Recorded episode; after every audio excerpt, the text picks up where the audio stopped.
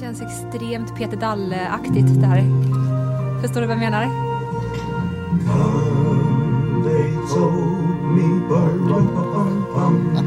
Alltså, varför? Det är ju faktiskt julafton imorgon, älskling. Av alla jullåtar. Ja, det är för att Bowie sjunger den. Såklart. Är det här värdigt? Hör på det här, hör på det här nu. Det är ju kontrapu- det är två olika sånger parallellt. Varför spelade han in den här? Lyssna nu. Det är Bowie. Can it be that years from now, perhaps we'll see, Vi ska lyssna nu. see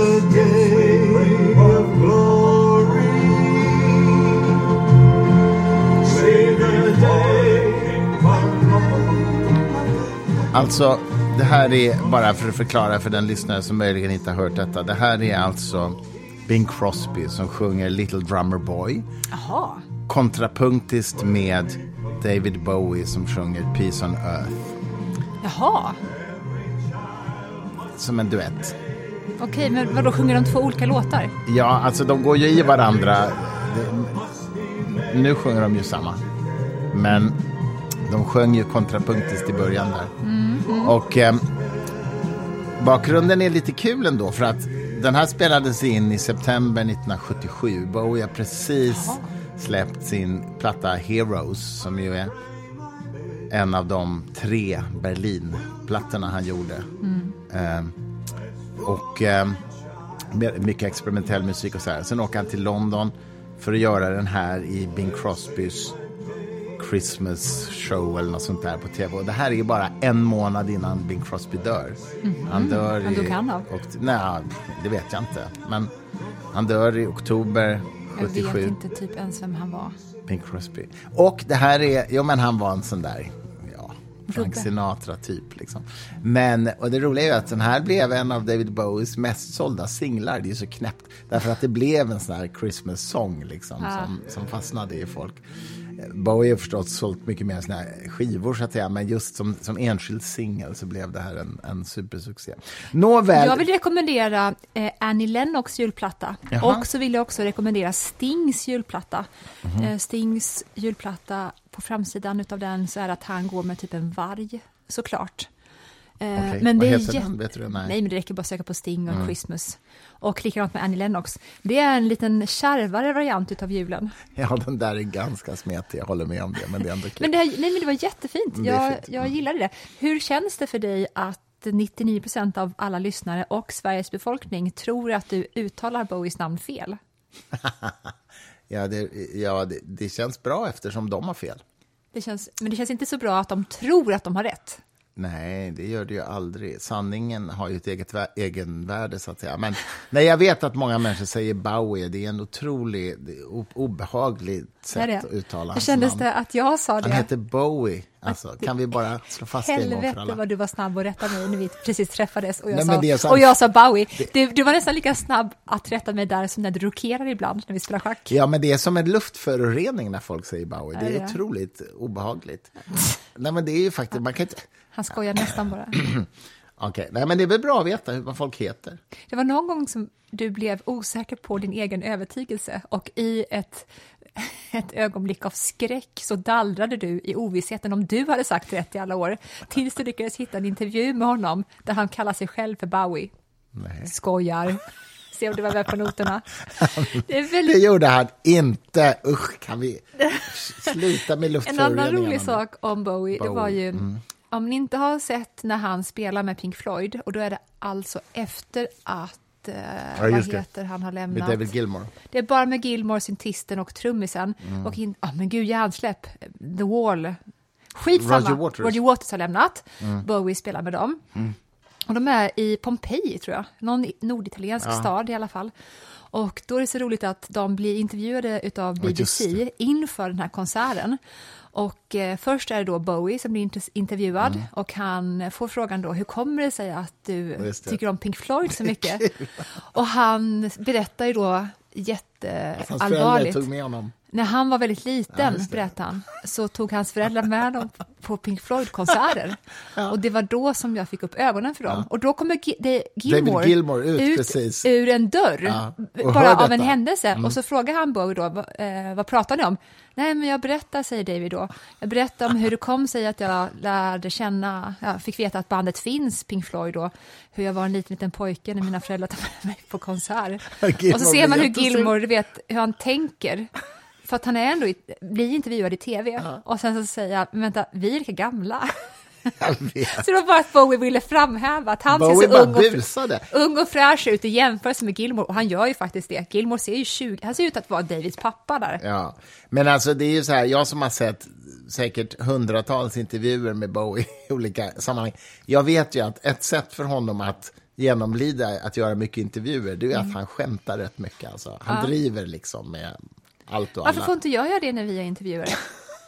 Det får jag inte göra då. Då måste jag sitta där och vara helt normal. Det är outhärdligt. Du kommer att göra det när du har gjort tillräckligt många intervjuer, så kommer du att ruttna på det. Men det är det jag gör redan. Vi, när vi har haft de här som varit hemma hos oss. Ja.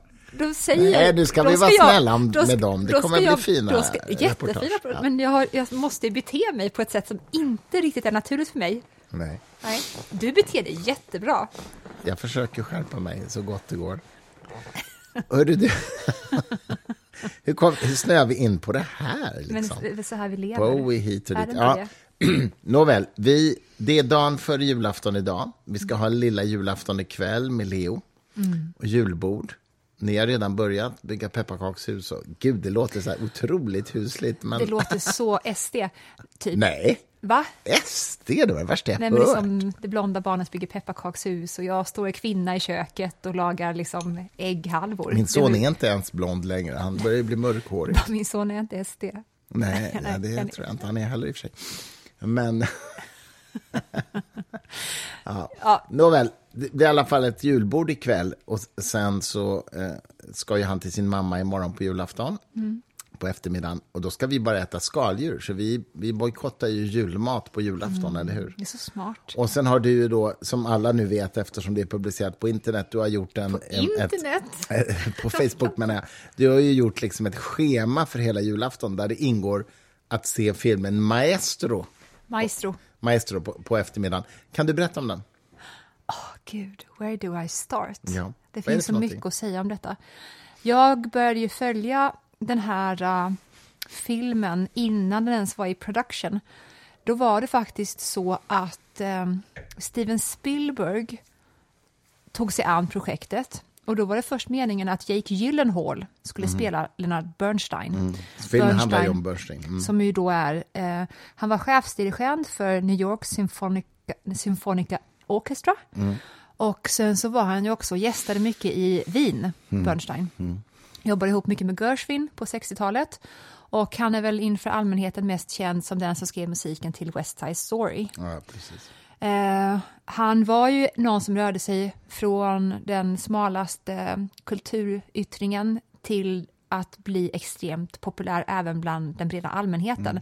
Jättesmal men också extremt kommersiell. Och det är väldigt få som har lyckats att omfamna hela spektrat. För han gjorde väl både dirigerade klassisk musik och skrev musikal? Det var det han gjorde i huvudsak. Ja. Men Och- skrev också musikalmusik helt enkelt. Ja, precis. Och sen så var och jag kan verkligen rekommendera det. De ligger ute på Youtube, i alla fall senast jag kollade i förrgår, så ligger hans föreläsningar ute om kompositörer. Och man kan tro att de då är em, ganska grunda för att han riktar sig till ungefär den tidens hemmafruar. Men han beskriver alltså Beethoven till exempel extremt sofistikerat. Och sen så spelar han upp saker på pianot för att visa vad han menade. Och sen förklarar han då Beethoven och sätter in honom i sitt sammanhang och vad han betydde för världen och för, för den framtida klassiska musiken. Men i alla fall då, Maestro, som den här filmen heter, det är ju det man kallar en chefsdirigent för. Och eh, jag antar att, nu har vi väntat med att se den, den kom i onsdags på Netflix. Den omfamnar säkert då hur han går från ingenting till allting. Och eh, arbetarklass, judisk familj, eh, bisexuell var han ju. Ja, det var. Precis som eh, Sondheim var också. Och Eller Sondheim... han var väl homosexuell Ja, förlåt. tror jag. Ja, Mm, verkligen. och Men i alla fall behövde hantera komplexiteten att eh, vara flickidoler och Ja, ändå inte till 100 procent i alla fall var det riktigt. Men jag förstår att Bernstein hade en otrolig relation med sin fru och Carrie Mulligan som spelar då Bernsteins fru i filmen. Mm. Hon står faktiskt i eftertexterna, har jag förstått, som första namn. Så att det är, de har satt henne som huvudrollen istället. Oj då. Vilket jag verkligen tycker är bra. Mm. Jag tror, jag tycker hon är jättebra, Carey Mulligan. Hon gjorde ju, hon bröt ju igenom med filmen Uneducation, där Mhm. hon spelar mot Alfred Molinda, som ni kanske har känt igen som biskopen Aringarosa i Da Vinci-koden. Nu blev det ett namnrabbel Ah. Han här. spelar också eh, Frida Kahlos man, va? Precis, exakt. Kolla jag kan, Ja, liksom. han, Wow, wow, nu wow. hamnar vi på Alfred Molinda, men han Ja. är ju verkligen en dålis som jag har Ja. älskat sedan barndomen faktiskt. Han är extremt karismatisk, uppväxt i England, en spansk mamma, en italiensk eh, pappa. Alltså han är engelsman Ja, i ja, han den är engelsman i grunden. Engelska som modersmål alltså. Teaterskådis, jobbade som servitris på Mm. samma restaurang som sin pappa gjorde, upp till 25-årsåldern faktiskt. Mhm. Jag, eh, Jag såg för övrigt att någon, apropå spansktalande, så någon ny film med Penelope Cruz har just kommit. Min Penelope. mamma heter den så. Penelope. Penelope Ja. Cruz. Den har just släppts på Apple. Ja, jag, Den ser vi. vad som är bra här det är att du tycker att Penelope Cruz är extremt snygg. Ja. Och jag tycker att Pedro Almodovar, åtminstone förr var väldigt bra, vilket innebär att jag nu har en chans att få dig att se Almodovar-filmer med mig, för att annars är du för pryd för dem. Förstår du? ja, men om Penelope är med så går Då det bra. klarar du det. Du, jag har Skål. så, skål, för det. Min Skål för mamma det. Mm. vet exakt vad jag menar nu. De är ju, vi, vi har sett, jag och min mamma har sett typ alla nästan, fram till för några år sedan. Ja, men jag såg några tidiga Aldo- Almodovar-filmer har jag sett faktiskt. Ja. talat. Jag kommer inte ihåg vad de heter ens just nu, men eh, jo, då, jag har sett ett par i alla fall. Det är ju kul att både Penelope Cruz och Antonio Banderas bröt igenom tack vare då Almodovar. Visste du det? Nej, men Antonio Banderas också, va? Mhm. Ja, Via honom, eller hur? ja, det var det jag sa. Jaså? Alltså, gud. Ja, ja, okej. ekar här inne? Nej. Sturmark, hur känns det nu då? Nu börjar året gå mot sitt slut. Hinner vi spela in en podd till? Innan nyår? Ja, Ja, det tycker jag. är det så? Vi gör det bara. En nyårspodd måste vi ju göra faktiskt. Vi ska ju ha en traditionsenlig nyårsmiddag hemma. Eh, det är kul tycker jag. Det är roligt att vi kör jul alltid själva, du och jag, med skaldjur och kärlek, om ni fattar. Och sen kommer nyår och då, då har vi hela stora familjen Ja, hos oss. det big. ja, just i år blir det ju inte så faktiskt. Nej, det är synd faktiskt. Kan... Leos mamma och hennes eh, kille eh, kommer ju inte i år eftersom hon ska sjunga i, på nyårs... Vad heter det? SVT's, Skansen. Skansens, Det är ett litet SVT's svek ändå, känner jag.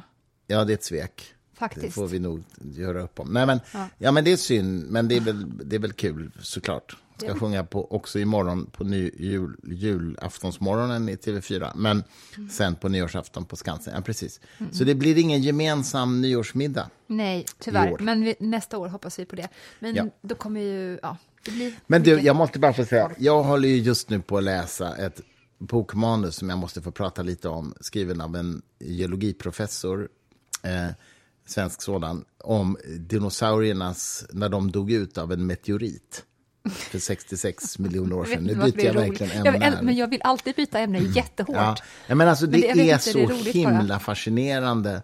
Jag, har, jag tror att jag faktiskt har pratat om det på den förut, så jag ska inte bli långrandig, men nu läser jag liksom ett otroligt initierat Kan inte du bara sammanfatta, innan. Mm. du börjar berätta om det, kan du inte bara, bara sammanfatta kort det här som var en sån otrolig uppenbarelse som satte ens egen existens i gungning lite grann. Mm. Och att vi förstod, du förstod och berättade för mig att varför vi finns idag Mm. är för att Ja, nej men det är ju alltså så att idag vet man ju med, med, alltså med ganska stor säkerhet så att säga utifrån vetenskaplig forskning varför dinosaurierna dog ut. Och det är ju helt enkelt för att jorden träffades av en 10 kilometer stor meteorit som slog ner utanför Mexikos kust i vad som då var ett hav i alla fall.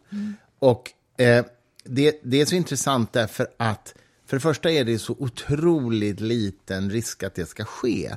Alltså, den där meteoriten är ju som ett sandkorn i förhållande till jorden. Om jorden är ett, en fotboll i storlek ungefär, så är det Ja. ett sandkorn. Va? Och den hade precis lika gärna kunnat passera liksom, på någon av sidorna om jorden. Många har ju passerat. Ja, ja, ja, hela tiden, hela tiden. Men den här träffar just där. Och dessutom slår den då ner i havet. hade varit Eller, eller, eller rättare sagt, den, den, nej, fel, fel av mig. Den slår ner på ett sånt sätt så att den vräker upp massa berg i atmosfären. Om den hade slagit ner i de större haven så hade det inte alls haft den här effekten. Då hade inte dinosaurierna dött ut. Det hade blivit stora tsunamivågor och sådär, men det hade liksom inte orsakat någon förändring av, av livsformerna på jorden. Men nu slog det ner, det var fortfarande vatten tror jag, men det, det slog ner på ett sånt sätt att massor med berg i stort sett förångades och blev lava och slängdes upp i atmosfären och massa aska och sådär. Så att jorden blev em, förmörkad under ett år ungefär. Alltså, kan ni fatta att de här Sol- bergsresterna lägger sig som en krans Ja, runt jorden? ja, i atmosfären och förmörkar jorden i ett år ungefär. Ett år. Så att alla, alla gröna växter dör ut. Och framför allt då så är det så att de enda som klarar, dessutom sker då en kraftig temperaturförändring på hela jorden. Och de enda som klarar sig, det är de små däggdjuren som redan innan bodde i gångar i marken. Och, och de bodde ju i gångar i marken för att de, därför att de var byten för de stora dinosaurierna. Så det var ju deras sätt att överleva, det var ju att leva under marken. Men vad som händer nu då med den här kraftiga smällen och solförmörkelsen, nej det är inte en solförmörkelse, men det är en förmörkelse i alla fall. Det är att de går ner i sina gångar va? och eh, överlever där. Medan då dinosaurierna dör helt Och de enkelt. som överlever under marken, det är våra anfäder. Det är, våra, det är våra förfäder, det är, det är däggdjuren. Ehm, De enda dinosaurier som överlever är ju de som sen blir fåglarna. Och det är Fast de nu som finns inte nu. jag, för att det sägs ju att vi steg upp från havet. Ja, men det är mycket tidigare. vattnet. Ja, men det är mycket, mycket tidigare. Jaha, är det? Det, alltså, det är ju processen som sker när allt liv är i havet och sen börjar ta sig upp på land. Fanns det en Alltså, tid då allt var i havet? Ja, Så livet började i haven? ja. Det visste inte jag. Visste Okej. ni det? Eh, ja, jag visste det. Du får gärna dua mig, men... allt började i havet, ja. Och sen började vissa organismer ta sig upp på land. Men det här är så långt, långt, långt innan. Du måste tänka nu, nu talar vi om en, en, en, en, tidsperiod när det finns massor med levande djur som springer runt på jorden. Somliga är små däggdjur, somliga är stora dinosaurier. Dinosaurier är också växtätare, men en del är köttätare. Eh, Tyrannosaurus rex och liknande. Men i alla fall, alla de dör ut liksom, på grund av den här smällen. Och därför så kan så blir det så att säga helt ny hierarki på jorden där då däggdjuren blir Precis. högst upp i Näringskedjan. Ja, precis. Och, och därav finns vi människor idag. Men det är, ändå, det är ändå lite coolt att idag vet man väldigt mycket om det här och det hänger ihop med att man kan avläsa såna olika sedimentlager liksom, där man ser exakt effekterna av vad som har hänt. Bland annat så kan man nu se den här allt som slängdes upp med atmosfären av meteoriten, det följer sen ner som aska och det har bildat ett speciellt lager som man, som man kan se idag. Och man ser exakt när det var. Det var för 66 miljoner år sedan. Inte 65 som man alltid har sagt. Oh. Under hela min uppväxt har man sagt att dinosaurierna dog ut för 65 miljoner år sedan, men det är 66 miljoner år sedan. Man vet det. Det är ganska coolt. det är Eh, I alla fall, jag läser det här väldigt, väldigt initierade, kunniga Är det som en manuset och det är fascinerande. är det som en jätteavancerad, mer avancerad kol-14-metod Ja, det kan man säga. grej man har? Ja. Kol 14 är ju, går ju inte lika långt tillbaks, men är ju mer precist. Kol 14 kan ju liksom datera Ja, mycket närmare på det, i detalj. Men den här metoden kan datera ändå ganska väl. Alltså. Ja, Ja, men det är häftigt med vetenskap, alltså, tycker jag. Det, Det- här är verkligen ett exempel på det. det är det verkligen. Har du följt eller läst om de här turerna kring Turinsvepningen och eh, Jesuskroppen som då ska ha legat i den? Ja, jag vet inte mer än att, att de är yngre än, vad man, än de skulle vara om de var Jesus svepning. Till viss del. Det här, kom, här är det tricky thing. Turin är ju känd för två saker. Mm. Nu kör vi lite frågesport här. Eh, vilka två saker är Turin känd för? Ja, svepningen är det enda jag vet. Turin, ja, nej, jag vet inte mer. Vem började inte må så bra där? Nej, Jag vet inte. Det är där som Ni- Nietzsche får sitt psykiska sammanbrott. Jaha, det är där han börjar tjafsa med hästen. Vilket han ju inte gör, det har ju du skrivit om i Sans, att Ja. det där är fake från Dostojevskij va? Nej, det, det var, det var, Dostojevskij. Var inte den som spred fake news. Jag tror till och med att Sto- Dostojevskij var död när det här hände. Men han hade en scen i, i sin bok som de byggde I, det här på. Precis, i Bröderna Karamazov då finns det en scen där en skör ung man går in och försvarar en häst som blir piskad. Just det. Och eh, då har Nietzsches sammanbrott blivit spritt som en sorts visklek med hjälp av Nietzsches bekanta på den tiden. Därför att hans vänner började prata, skriva med varandra om sammanbrottet. Och på något vis liksom väver in den här scenen från Dostojevskij. Det enda man egentligen vet är att en bonde i Turin, hjälp, och han körde häst dit visserligen, till Turin, en bonde hade kört sin häst med kärra in till Turin den dagen för att sälja saker.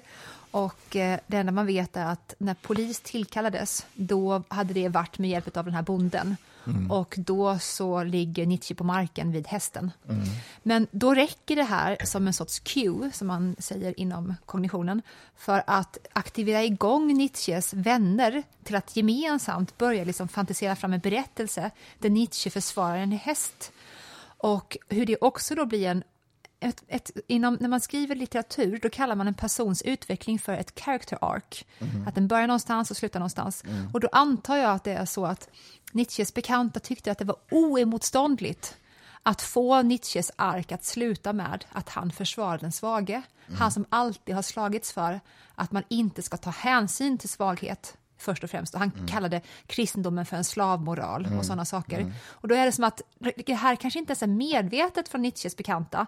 Det blir bara en sån eh, oartikulerad lust som de drivs av att få honom att till slut landa i den här transformationen.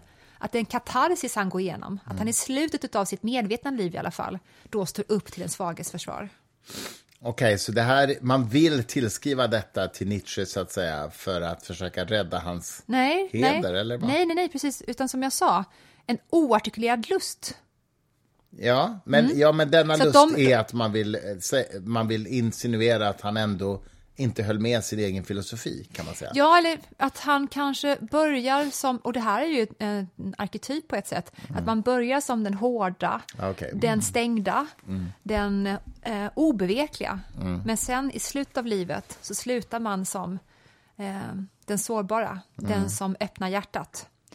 Eh, Annars blir man ju en Scrooge, du vet, i slutet. av- Och det tror jag finns en inbyggd lust i människor, att vilja att livet ska... Man ska inte sluta som den hårda stängda. Man ska Ja, just det. sluta som den ömsinte. Tror du inte det? Jo, jo, jo, det är ju en rimlig, jo, det, såklart, det är någon slags, någon slags mognadsprocess. Ja, och inte bara det, Men- utan som, vissa, som, som någon som spelar piano hos oss sa, som du pratade med, man vill att vissa ackord ska efterfölja andra ackord. Ja, just det. Ja. Det här är en sån sak. Men, men alltså, är det inte en misstolkning av Nietzsche att han föraktade svaghet eh, ändå? Alltså, det är ju inte Nej. så att han inte menade att man skulle hjälpa en människa som verkligen var utsatt. Utan Nej. det han, Tyvärr alltså. alltså, Han var eh, nästintill obeveklig med detta. Han, det är inte så charmigt. Nej, han var ju utilitarist på det hemska sättet. Han la inget värde i detta. Och eh, han var en eh, mer... Nu ska inte jag säga att han var en eh, Marquis de Sade, men han var i det ledet och visar hur det går om man bara tänker nästintill ja, men utilitaristiskt. Därför att han ansåg ju, och nu förenklar jag enormt, ansåg ju verkligen att ifall inte du kan hjälpa dig själv, allt det potential som jag har i mig, varför ska jag lägga det i princip på att lyfta upp dig? Samhällets, så som det var inrutat på den tiden, vi, vi pratar nu att industrialiseringen har varit igång i kanske hundra års tid, eh, så som det var uppbyggt infrastrukturmässigt på den tiden så var det ju verkligen så att pengar som gick till de fattiga var som att kasta i sjön. För de fattiga genererade bara nya fattiga. Det fanns inte hjälpinsatser på den tiden som gjorde att de kunde häva sig upp från sitt predikament, från sitt utillstånd. Och då tyckte Nietzsche att då är det meningslöst. Ingenting blir bättre av att vi delar ut bröd. Det är en slags vara- misstolkning av Darwin, Dar, Dar, Darwins evolution, kan jag känna. Jag vet inte ens ifall han var inspirerad särskilt hårt av vet inte. Darwins evolution, men hela tiden var väl det, I suppose. Var, han var ju extremt, det var ju det här som var så himla märkligt, att han tillhörde ju Nietzsche bland de få liberala. Liberalismen var ju verkligen på frammarsch där under 1860 och 1870-talet. Men, annars, men det fanns ju en, en slags feltolkning av, av Darwin, det som man kallade för socialdarwinism, som ju handlade om att svaga ska förgå, liksom, förgås och starka ska... Och det är ju inte, Nej, det är han- ju inte så evolutionen funkar. Han menar inte att de svaga bör förgås för att de är svaga. Han menar att medlen vi lägger på de svaga är meningslös disponering utav medlen. Mm, De kan vi lägga på någon som kan växa istället på en samhällsgrupp som faktiskt kan använda Det dem. finns Och det här är ju jättefrånstötande, I know. Ja, ja, nej men visst, men jag menar, det finns flera aspekter av det här tycker jag. Det ena är ju att man missförstår hur evolutionen funkar, för att den handlar inte om den starkastes överlevnad, utan den mest anpassade. Det är ju en sak. Det andra är ju att evolutionen har ju eh, eh, av nödvändighet frambringat också ömhet och omsorg eftersom det räcker inte att överleva. Man måste också få en avkomma som man tar hand om så länge så att den själv kan reproducera sig. Först då är man så att säga klar sett ur evolutionens perspektiv. Man måste alltså ta hand om sin avkomma tills den själv kan få en avkomma.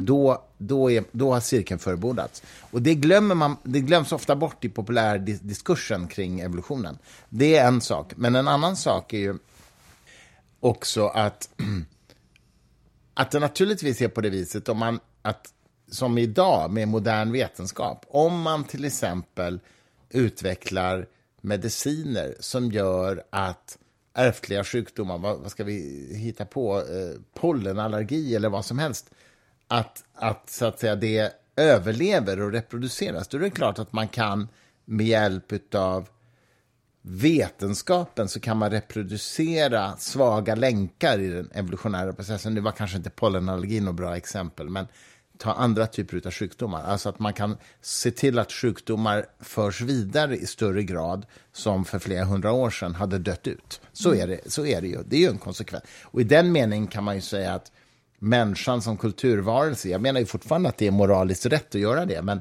man kan ändå säga att människan som kulturvarelse och vetenskapsvarelse har ju i någon mening interfererat med evolutionen, Ja, kan man säga. precis. Du är ju eh, lite annorlunda än jag i att jag tror att den kärleken som uppstår mellan två personer eller en vuxen och ett barn, eh, den är inte enbart till för överlevnad. Utan jag okej. tror ju också att den kärleken tillgängliggör eh, rum i det inre som har med någonting större att göra. Eh, man behöver inte alltid tänka att eh, man behöver inte alltid börja i ändan att det finns något större och sen så tar det sig uttryck inom kärleken. Man kan börja med Darwin också och evolutionen säga att den kärleken som tillgängliggörs genom bland annat då överlevnads eh, tvånget som vi producerade med. Genom den kan vi också nå bottnar i oss själva som inte bara är till för överlevnad. Ja, men det tror jag också. Det tror jag verkligen också. Jag tror att ev- evolutionen har en massa sidoeffekter som inte, har, som inte är direkt nödvändiga för evolutionen, men som har en massa positiva konsekvenser. Ja, precis. Det är bara det att jag då pekar mot att genom den kärleken så kan vi nå eh, delar av verklighetens grundfundament. Verkligheten. Ja men, det, ja, men det kan ju hända, så att säga. Men det är fortfarande biprodukter av evolutionen, även om de ger fantastiska resultat. Ja, sure, absolut. Men, men ifall man då, det blir det så här cirkelresonemang, ifall man då tror att kärleken eh, ger en så, så kallat wormhole, upplevelsemässigt, Maskhål, det är ju kosmologiskt Jag begrepp. vet, till verklighetens grundfundament. Ja. Vad var det som fick evolutionen att uppstå? Jo, verklighetens grundfundament. Och så går det runt, runt, runt, runt. Åh, herregud. Okej, Cha, De- cha, cha. där ska vi inte gå idag. Nej, det ska vi verkligen Nu är det inte. jul. För nu är det jul. Skål. Skål, älskling. Men det är, det, är, det, är, det är faktiskt jätteintressant. Ska vi ändå gå där? Nej, det ska vi inte. Nej, men nej, inte jättemycket, men... Mm, just det. Nej, men jag tänker ju på evolution. Jag vet inte, det här kanske är ett sidospår, men jag tänker ändå på evolutionen som upphovsmakare till våra kognitiva processer. Men att den har gett en massa sidoeffekter som kan användas till massa annat än det som evolutionen ursprungligen syftade till. Till exempel skapa musik. Den syftar inte till något. Akta vad Nej, du just säger. det. Den, nej, good point. Den det är så, det är, misstolkningarna finns där, du måste Ja, vara jag vet. jättenoga. Ja, det är jättebra. Det är jätteroligt att du är den som säger det till mig. Den syftar inte till något. Nej, det är helt, klart, helt sant. Evolutionen är blind, tror jag. Det tror vi uppenbarligen båda. Men okej, jag omformulerar mig och säger så här. Jag tror att evolutionens ehm, mekanismer har gett upphov till sidoeffekter som inte tjänar evolutionen direkt alls, utan har indirekta effekter. Men de indirekta effekterna, som till exempel kan vara musik, eh, eller kognitivt sökande efter sanningen i kosmologi eller fysik, eh, de kan ju vara väldigt profound, alltså de kan ju vara otroligt djupa. De kan sitta i ryggraden på det till Ja, ja, ja, visst. Alltså, de, och de kan ju vara otroligt viktiga, så att säga. Även om de inte, så att säga, har en direkt, Även om de inte var eh, en integrerad del av evolutionens mekanismer. De, de, de, uppstod som en sidoeffekt. Jag tror att religion är det också ju. Ja, det tror jag också. Absolut. Och det, är därför, det, är därför som jag Här är kan, vi överens. det är därför jag kan tycka att ni det som är sekulärhumanister, ni är så här, ja men det borde inte vara så här, ta bort religionen. Man bara, good luck with that.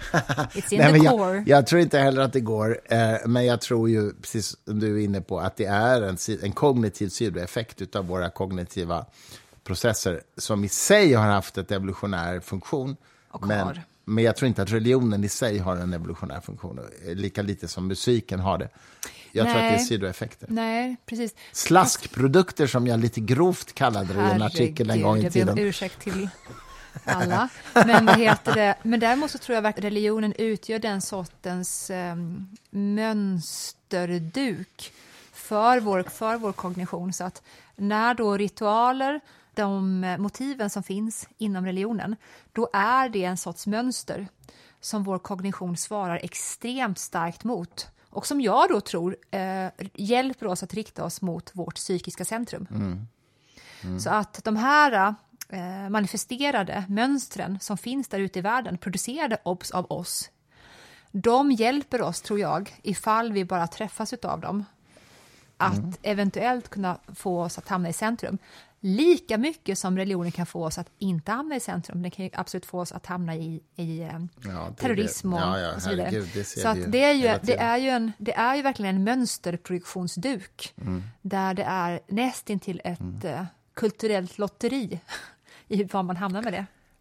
Exakt. Och, och- och där, det håller jag ju verkligen med om. Att liksom det här begreppet religion, som är så otroligt vitt och odefinierat är ju i sig värdeneutralt, så att säga. Det är ungefär som vetenskap är värdeneutralt. Det kan, användas till skallmätning, det kan Exakt. användas till att lösa cancern. Exakt. Och det är samma sak med, med religionsbegreppet.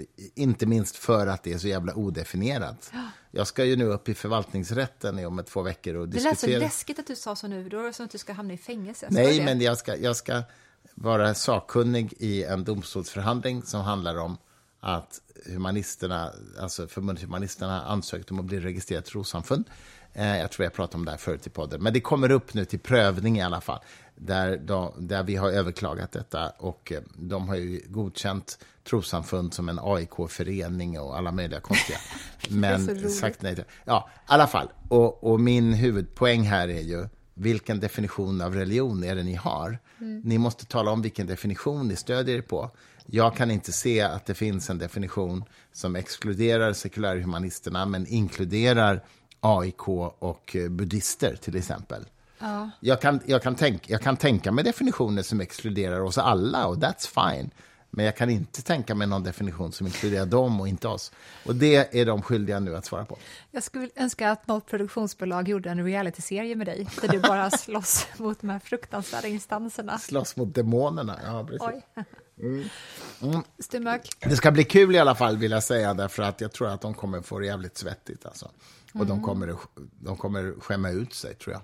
Tror du? Nåväl, det är min det blir hypotes. jättejobbigt om det inte blir så nu. Ja, ja, men det är vad jag tror. Alltså, eller tror, alltså, det, jag kan inte se hur de inte skulle göra det, men okej. Eh, men du, ska vi gå upp och duka vårt jag, julbord? tänkte, jag, tänkte göra det. jag tänkte bara berätta om en liten kort sak först. Ja, Eh, jag skulle vilja berätta om minnespalats. Vill du höra Ja, om det? jag vet. Det spelar ju en roll i din kommande, nästkommande bok. Ja. Minnespalats är alltså en teknik som man använde sig av utav i Rom när man skulle hålla extremt långa tal. Så att ifall man tillhörde toppolitiska skiktet på den tiden då var det alltså den tekniken man använde sig av. Och varför vi- vet att den här tekniken finns, eller fanns, Quintilianus, var det inte det?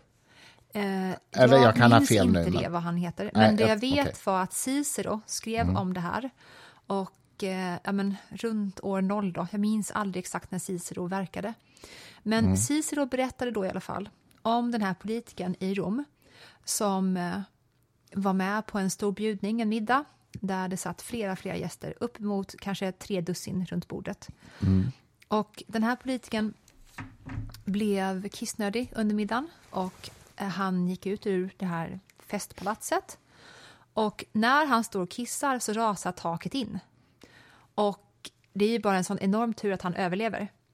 Men när man då dagarna därefter börjar försöka sortera ut vilka de döda var, för att det fanns ju flera servitörer och sådär runt omkring, då var liksom kropparna så pass förstörda så att man visste inte vem som var vem.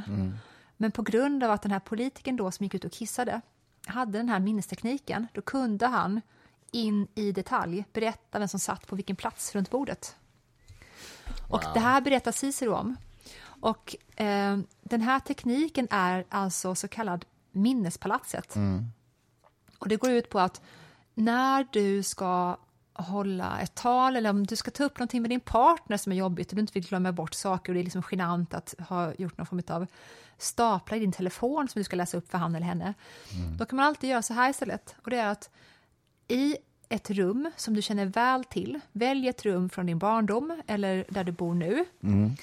Det kan du öva upp att komma ihåg genom att blunda och försöka återuppbygga den här platsen i ditt minne.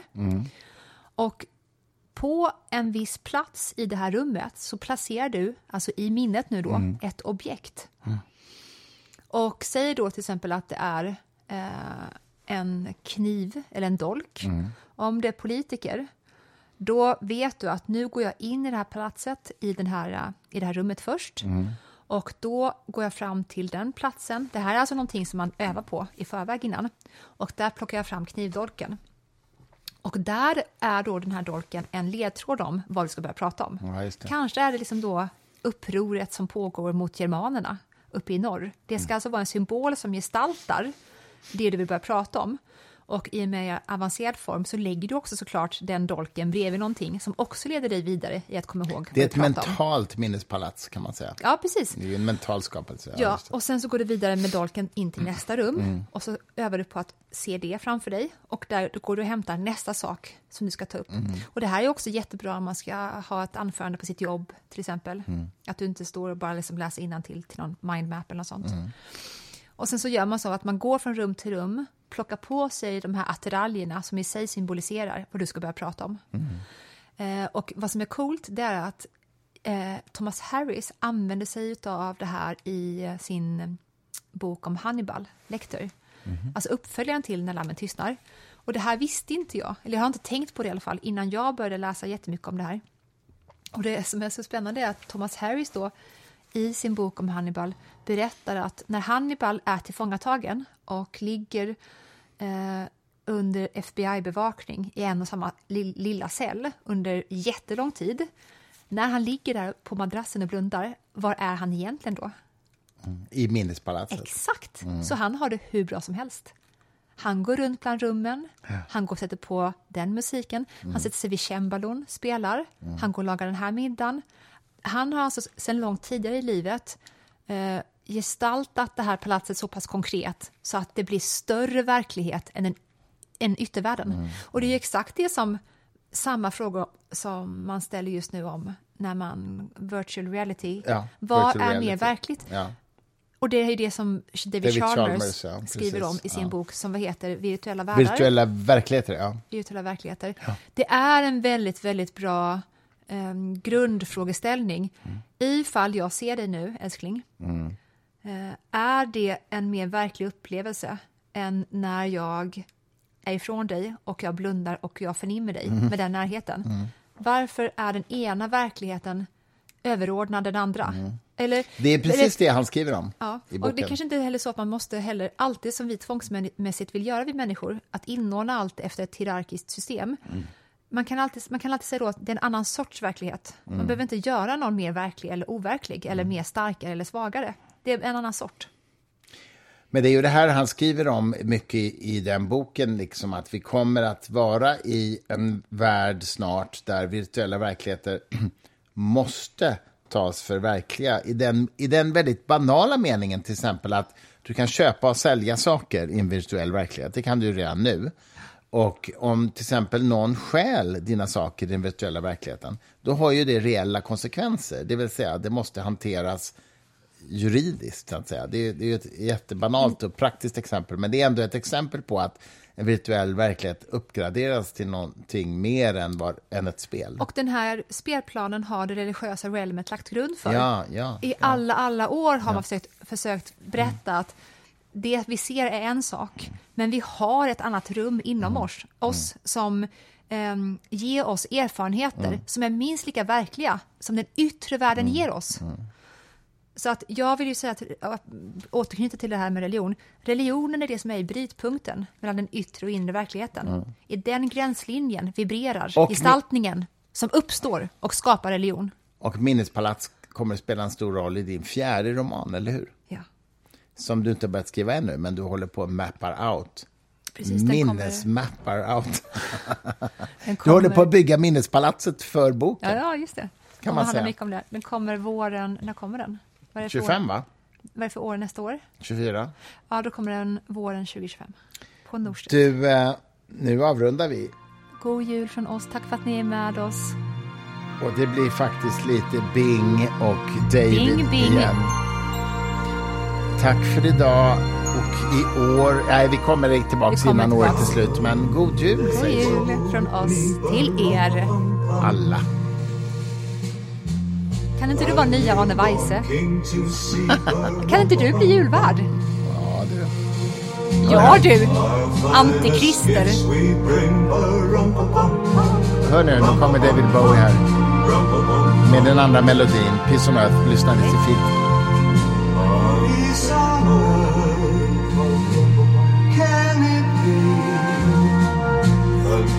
From now, perhaps we'll see. Or See the day